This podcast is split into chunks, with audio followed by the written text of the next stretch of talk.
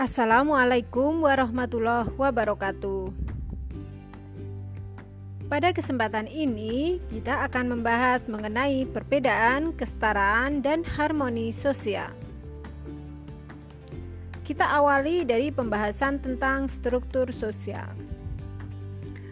Struktur sosial, menurut Mayor Polak, merupakan alat atau pengawas sosial yakni sebagai penekan kemungkinan pelanggaran terhadap norma, nilai dan peraturan kelompok atau masyarakat. Sedangkan menurut Nasikun, struktur sosial dapat dilihat secara horizontal dan secara vertikal. Indonesia adalah salah satu contoh masyarakat yang memiliki keberagaman yang terdiri dari beragam suku bangsa, agama, dan ras.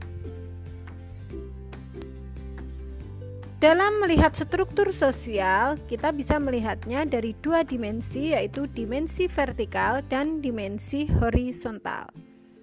Ketika kita melihat masyarakat dari dimensi vertikal, maka kita bisa melihat masyarakat dari status dan perannya dalam masyarakat, yaitu ketika kita membahas mengenai stratifikasi sosial. Sedangkan ketika kita melihat masyarakat secara horizontal, maka kita membahas mengenai diferensiasi sosial. Pada session ini, kita akan fokus membahas mengenai diferensiasi sosial. Menurut kamus sosiologi, Diferensiasi adalah klasifikasi atau penggolongan terhadap perbedaan-perbedaan tertentu yang biasanya sama atau sejenis. Kemajemukan sosial ditandai adanya perbedaan-perbedaan berdasarkan sebagai berikut. Satu, berdasarkan ciri fisik. Diferensiasi ini timbul karena perbedaan ciri fisik tertentu. Misalnya, warna kulit, bentuk rambut, bentuk mata, bentuk hidung, dan bentuk rahan, serta jenis kelamin. Kemudian berdasarkan ciri sosial, diferensiasi ini timbul karena adanya perbedaan pekerjaan yang menimbulkan perbedaan cara pandang dan pola perilaku dalam masyarakat. Sedangkan berdasarkan ciri budaya, diferensiasi budaya berdasarkan berhubungan erat dengan pandangan hidup suatu masyarakat, menyangkut nilai-nilai yang dianutnya, seperti religi atau agama, sistem kekeluargaan, keuletan, dan ketangguhan. Selanjutnya, kita akan membahas bentuk-bentuk diferensiasi sosial. Ada beberapa bentuk diferensiasi sosial. Satu, diferensiasi suku bangsa. 2. Diferensiasi ras 3. Diferensiasi agama 4. Diferensiasi profesi 5. Diferensiasi jenis kelamin atau gender 6. Diferensiasi klan Pertama, kita bahas mengenai diferensiasi ras. Ras adalah kelompok manusia yang memiliki ciri-ciri fisik bawaan yang sama. Apabila kita menyebut suatu kelompok ras tertentu, maka ciri yang kita kemukakan adalah ciri fisiknya, bukan ciri budayanya. Ada tiga kelompok ras utama manusia di dunia. Satu, ras Mongoloid memiliki kulit kuning dan coklat. Sedangkan yang kedua, ras negroid memiliki ciri kulit warna hitam dan ras kaukasoid memiliki kulit putih. Ras Mongoloid kebanyakan menghuni wilayah Asia, ras Negroid kebanyakan menghuni wilayah Afrika, dan ras Kaukasoid kebanyakan menghuni wilayah Eropa. Kemudian diferensiasi suku bangsa atau etnis. Suku bangsa merupakan hasil dari sistem kekerabatan yang lebih luas. masyarakat dalam sistem kekerabatan ini tetap percaya bahwa mereka memiliki ikatan darah dan berasal dari nenek moyang yang sama. Suku bangsa di Indonesia. Di Pulau Sumatera, kita ada suku Padang. Di Pulau Jawa ada suku Jawa, di Pulau Kalimantan ada suku Dayak. Ada banyak suku bangsa di Indonesia. Tercatat ada sekitar 1400-an lebih suku bangsa di Indonesia.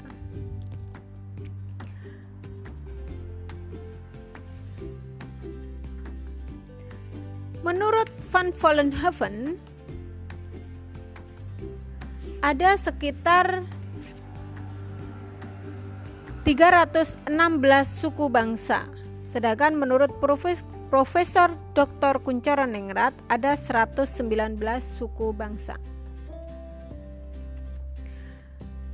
Selanjutnya kita membahas mengenai diferensiasi klan. Klan sering juga disebut kerabat atau sistem kekerabatan. Keluarga besar, keluarga luas atau extended family. Klan merupakan kesatuan genealogis, kesatuan keturunan, religio magis, kesatuan kepercayaan, dan tradisi kesatuan adat. Ada dua bentuk klan utama di Indonesia. Pertama adalah klan matrilineal atau klan berdasarkan garis keturunan ibu. Sedangkan klan patrilineal klan atas dasar garis keturunan ayah. Klan matrilineal biasanya banyak eh, apa? Klan matrilineal biasanya terjadi pada masyarakat Minang atau dipercayai oleh atau digunakan oleh masyarakat Minangkabau. Sedangkan klan patrilineal digunakan oleh masyarakat Batak atau disebut dengan marga.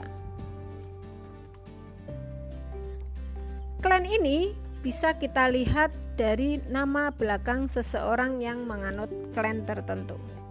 Seperti masyarakat Batak, kita sering mendengar nama belakang mereka seperti Simanjutak, Sitompul, dan lain-lain. Sedangkan untuk klan Minangkabau juga banyak digunakan oleh masyarakat Minang. Kemudian diferensiasi agama. Di Indonesia kita mengenal agama Islam, Kristen, Katolik, Hindu, Buddha, dan Konghucu. Di samping itu ada pula aneka kepercayaan lainnya, seperti keharingan, parmalim, kejawen, dan lain-lain. Tidak melihat jumlahnya, semua agama yang ada di Indonesia memiliki posisi yang sejajar dan uh, memiliki kesempatan yang sama dalam melaksanakan ibadahnya masing-masing. Diferensiasi jenis kelamin. Diferensiasi jenis kelamin ini dilihat dari peran seorang laki-laki dan perempuan. Peran laki-laki dan perempuan ada dua jenis yaitu ada peran alamiah dan peran sosial. Peran alamiah, peran yang didasarkan lahiriah atau peran yang berdasarkan jenis kelamin atau kodrati. Contoh dari peran alamiah ini adalah peran perempuan hamil dan melahirkan yang tidak bisa digantikan oleh laki-laki. Sedangkan peran sosial itu adalah peran yang bisa dilakukan oleh laki-laki dan perempuan. Contohnya adalah memasak, berias, kemudian eh, profesi-profesi tertentu seperti pilot itu biasanya dilakukan oleh laki-laki, tapi pilot perempuan juga bisa. Koki misalnya bisa juga dilakukan oleh laki-laki dan perempuan.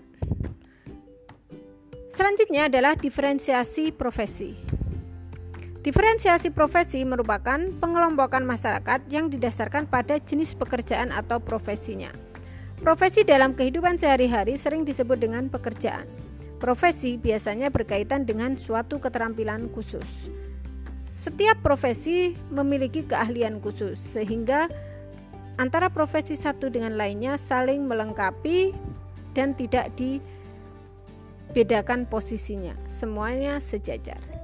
Demikian pembahasan mengenai diferensiasi sosial. Terima kasih. Wassalamualaikum warahmatullahi wabarakatuh.